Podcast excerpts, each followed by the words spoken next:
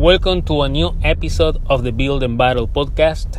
This is your host, Freddy Guevara. Today I'm going to talk about three tips or three things that you have to do to make the transition from a staff member to supervisor. I have had a personal experience with people that are good workers, good performers, and they have and they have been given the opportunity to be promoted as a supervisor. And from one reason or another, they always struggle to make that transition. And it is very difficult. I can understand that not everybody has what it takes to become a supervisor or to make a successful transition, but there are things that you have to do to make a successful transition from a staff member to supervisor. One of the things that you have to remember and to keep in mind that whatever makes you successful as a worker, it wants to make you successful as a supervisor. So here are the three tips or the three things that you have to do. First, you have to recognize what you have to let go of. There are many things you have to let go. For example, friendships. Your co-workers not are your friends anymore as a supervisor. You have to let go of the old mindset. Your workers' mindset want to make you successful as a supervisor because you need a change in your mindset, a change in your perspective. Because you are going from level 1 to level 2. Let's say level 1 to level 2. Whatever makes you successful at level 1, it won't make you successful at level 2. The mindset that you have at level 1, it won't be useful at level 2 because you have to learn their different levels. And whatever you have to learn in level 2 you have to acquire the knowledge, you have to acquire the tools you require to be successful at level two. In this case, as a supervisor, it's a different level. So you have to let go of the old mindset, your old friends, your old culture. You have to make a change.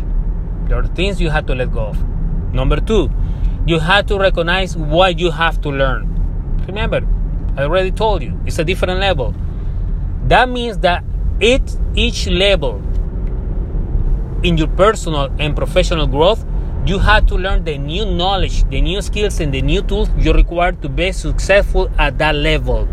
Whatever makes you successful at level one as a worker, it won't make you successful at level two as a supervisor. You have to have clear that in your mind. So you have to learn the new skills and the new knowledge that you require to be successful as a supervisor. Each level has its own knowledge and skills and tools that are required to be successful at that level. And number three, develop strategies for doing so. It doesn't matter if you recognize what you have to let go of it doesn't matter if you recognize what you have to learn, but if you don't have a clear strategy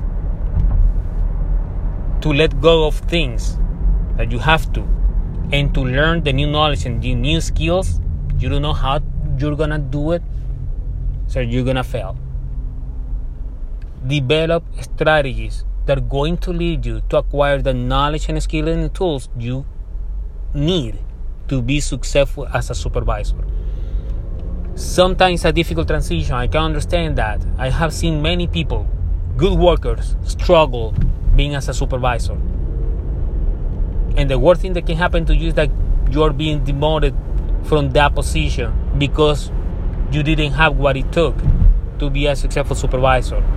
That's why managers have and businesses have to coach their people so they can find out where the talent, where the hidden talent is and you can promote the right people, the people that can fit that position as a supervisor and manager.